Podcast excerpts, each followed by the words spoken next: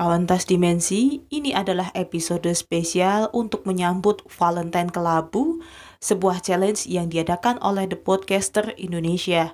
Dan kali ini saya akan bercerita satu episode dari kehidupan rumah tangga saya bersama Bang Zen yang berhubungan dengan dunia supranatural. Seperti apa? Dengarkan terus ya sampai terakhir. Kawan Tas Dimensi, mengarungi kehidupan rumah tangga itu bukanlah sesuatu hal yang sangat mudah. Justru itu adalah hal terberat di dalam hidup kita karena godaan yang ditimbulkan luar biasa besar. Episode kali ini khusus saya buat untuk memperingati anniversary saya tahun kedua ya bersama Bang Zain. Ya, kami tepat menikah di tanggal 8 Februari tahun 2019. Dan tepat juga episode podcast ini meluncur. Jadi ceritanya itu awal-awal kami menikah dan kami sudah kena ya ini bukan ujian ya, tetapi saya lebih memperhatikan ini sebagai godaan di tahun-tahun pertama ketika menikah. Di mana kami langsung dibuat ya kondisi ekonomi itu kacau. Bang Sen tiba-tiba tidak dibayar dengan bosnya yang lama dan di akhirnya memutuskan lebih baik keluar gitu karena bosnya sebetulnya menjanjikan untuk gaji tetapi dia merasa kalau tidak ada kepastian lebih baik tidak gitu ya karena dia orangnya kalau sudah A, A, kalau B, B. Itu kontas dimensi. Dan saya pun dengan melihat kondisi yang seperti itu tentu tidak mau tinggal diam. Saya berusaha untuk mencari pekerjaan baru di tengah kegiatan saya yang baru ya sebagai seorang ibu rumah tangga. Dan tentunya itu bukanlah hal yang mudah apalagi kota Bengkulu itu kota yang asing buat saya karena saya berpuluh-puluh tahun tinggal di Semarang ya, bukan di kota Bengkulu yang ya bisa dibilang itu masih terhitung kota kecil, bukan kota yang sudah semetropolitan Semarang begitu.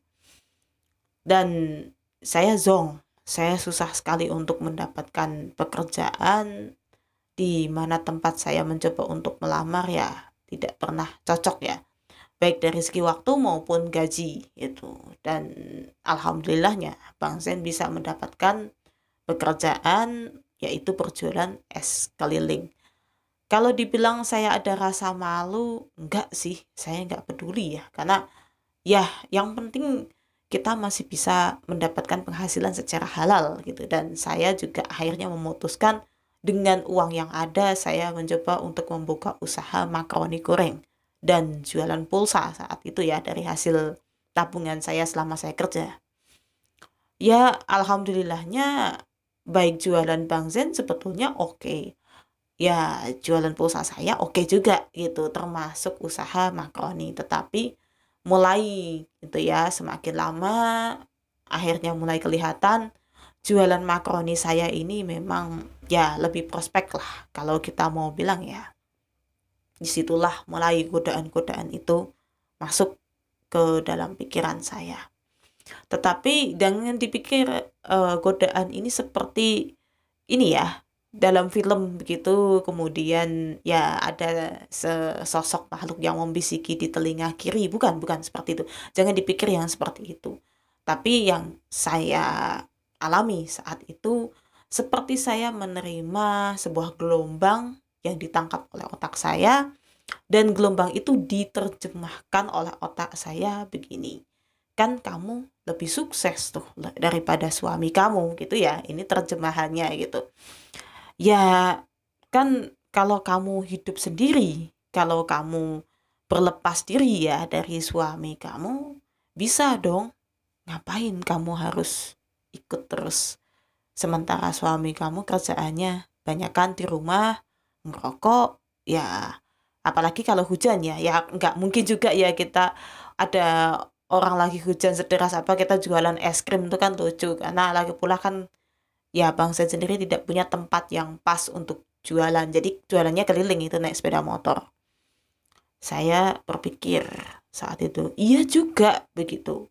Apa yang saya tangkap iya juga gitu tetapi wah ini kan suami saya masa sih saya mau apa istilahnya uh, mengunggil mengungguli sorry bahasanya ya. Nah mengungguli suami saya kan tidak mungkin gitu. Saya berpikir cukup lama waktu itu tapi ini di otak saya semacam ada yang mengajak diskusi. Dan sudah begitu diperparah dengan saya merasa di dalam rumah ini saya merasa panas. Di dalam rumah kontrakan saya dulu ya di Bengkulu itu saya merasa panas gitu apa ya suasana itu panas yang tidak bisa diusir dengan kipas angin biasa atau air conditioner gitu ya AC gitu ya tidak bisa diusir dengan cara yang ya biasa saja dan saya sempat berpikir ini kayaknya ada yang mengirim saya ya sesuatu untuk menghancurkan rumah tangga saya. Tetapi saya tidak berani menebak siapa orangnya, siapa pelakunya, enggak sih. Karena kan ya namanya musuh ya, kita nggak pernah tahu siapa begitu kan. Daripada kita nanti suuzon gitu, kita berpikir yang buruk ke orang-orang kan udahlah lebih baik, oh, udahlah. Nggak perlu dicari siapa pengirimnya gitu ya kauntas dimensi. Ya tetapi kok semakin lama diskusi ini semakin logika juga ya gitu. Dan memang saya memandang seperti suami saya itu pemalas gitu dan kerasanya cocok dong ini kalau apa dibilang tetangga yang dulu ya karena cukup kuat juga gosip yang beredar saat itu bahwa Bang Zen itu orangnya pemalas dan sering di rumah dan ya cuman rokok, cuman nonton TV and whatsoever. Ya ya cuman hanya begitu saja. Karena namanya tetangga ya, kita kan nggak pernah tahu tetangga kan sukanya begitu. Dan itu tetangga juga ada yang pernah ngomong ke saya begitu. Cuman ya saya yang satu rumah, saya yang satu kamar, saya yang tidur bareng sama dia tahu dong dia itu sebetulnya seperti apa itu kan. Apalagi kondisi cuaca saat itu yang tidak memungkinkan untuk jualan tapi saya rupanya terbawa sama suasana yang panas itu juga dan saya selalu mengiya-iyakan dari gelombang-gelombang yang uh, ini masuk ke otak saya. Kemudian saya malah justru marah besar sama Bang Zen saat itu gitu ya.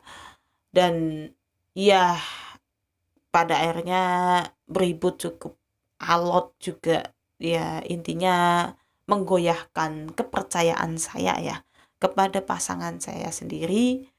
Bagaimana ini gitu kan? Apakah saya sebagai perempuan saya harus menanggung juga selain ya urusan masak memasak dan ya mencari nafkah kemudian salah saya apa saya mendapatkan suami yang seperti ini. Saya sempat berpikir begitu setelah marah yang luar biasa tetapi itulah kontes dimensi luar biasa sabarnya Bang Zennya nggak apa ya mungkin apa ya kalau laki-laki yang arogan yang apa mungkin ya nyawa saya sudah hilang saat itu ya tapi Bang Zen ini berbeda gitu. Dia tetap sabar dituduh begitu di ini ya tetap gitu kan ya bahkan menyadarkan saya gitu bahwa jangan mudah untuk menilai bahwa ya dia tuh orang yang seperti itu. Kan toh saya sendiri melihat dengan mata kepala saya sendiri iya juga sih. Tetapi godaan-godaan ini terus berlangsung gitu kan. Sampai saya juga nggak betahnya terutama adalah hawa panas yang apa ya selalu menyerang badan. Dibilang ini panas dalam juga bukan gitu bukan penyakit. Ya saya sehat-sehat aja masih bisa masak masih bisa aktivitas ya. Nyuci baju apa macam-macam nonton TV semuanya masih bisa. Cuman kenapa saya jadi gak betah sama panas yang seperti ini dan selalu memicu emosi saya gitu kan.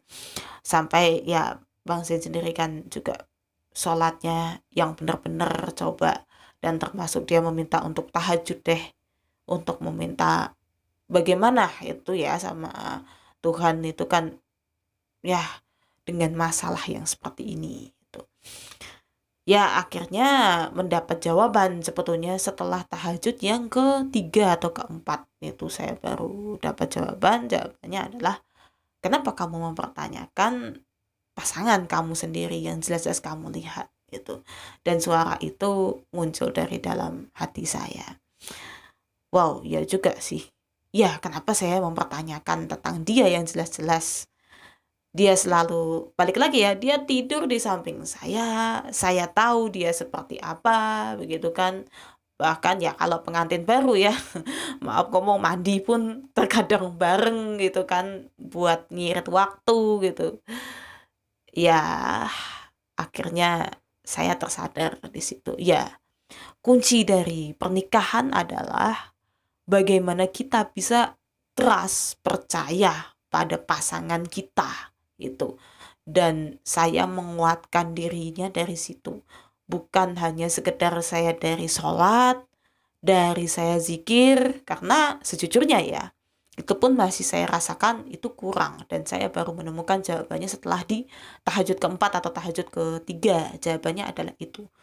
Kuncinya adalah kamu percaya sama pasangan kamu. Itulah yang terbaik dari Tuhan loh untuk kamu gitu. Apa yang kamu ragukan? Ya juga ya. Itu dalam batin saya mengajak diskusi yang seperti itu. Iya juga ya. Hingga akhirnya saya mulai menumbuhkan rasa percaya itu lagi. Rasa ya saya benar-benar menaruh rasa percaya itu kepada pasangan saya sendiri. Ya berarti pada Bang Zen ya. Kemudian mulai saya merasakan ada sesuatu yang berbeda dari hati saya plong itu jadi rasa yang selama ini rasa panas rasa gak betah begitu ya. Saya mulai hilang sedikit-sedikit bahkan ada ya seperti di dada itu ditempelkan es teh gitu ya nyes gitu.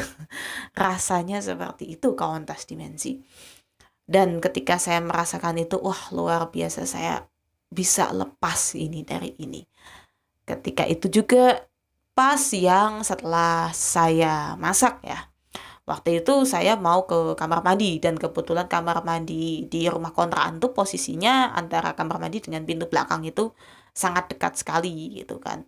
Ketika saya mau menuju ke kamar mandi, saya melihat ada sesuatu yang keluar dengan secepat kilat gitu ya. Jadi set gitu, tahu-tahu begitu. Berlari tapi cepat sekali gitu. Bahkan ya seperti kilatan gitu saja. Ini ini apa gitu kan. Saya sudah curiga karena saya sensitif ya dengan makhluk halus. Saya sudah curiga apa ini gitu kan. Bahkan ketika saya sudah masuk ke kamar mandi saya mau sebenarnya mau menutup pintu. Cuman saya melihat samar-samar. Nah di situlah ada yang kayak ngintip gitu ya dari pintu belakang bukan itu kamar mandi dari pintu belakang kemudian dia berkata yang saya tangkap ya. Dan anehnya juga dia berkatanya dengan bahasa Jawa gitu yang bahasa Jawa ngoko maksudnya. Dia berkata deloan wae gitu aku bakalan balik tak ancur ke gitu. Jadi intinya adalah lihat aja aku akan kembali ya rumah tangga kamu akan aku hancurkan.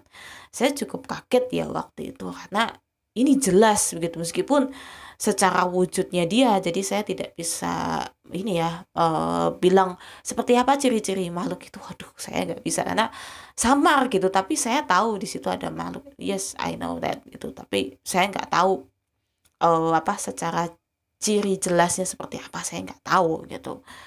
Dan saya cukup terkejutnya wow apa ini? Itu ya.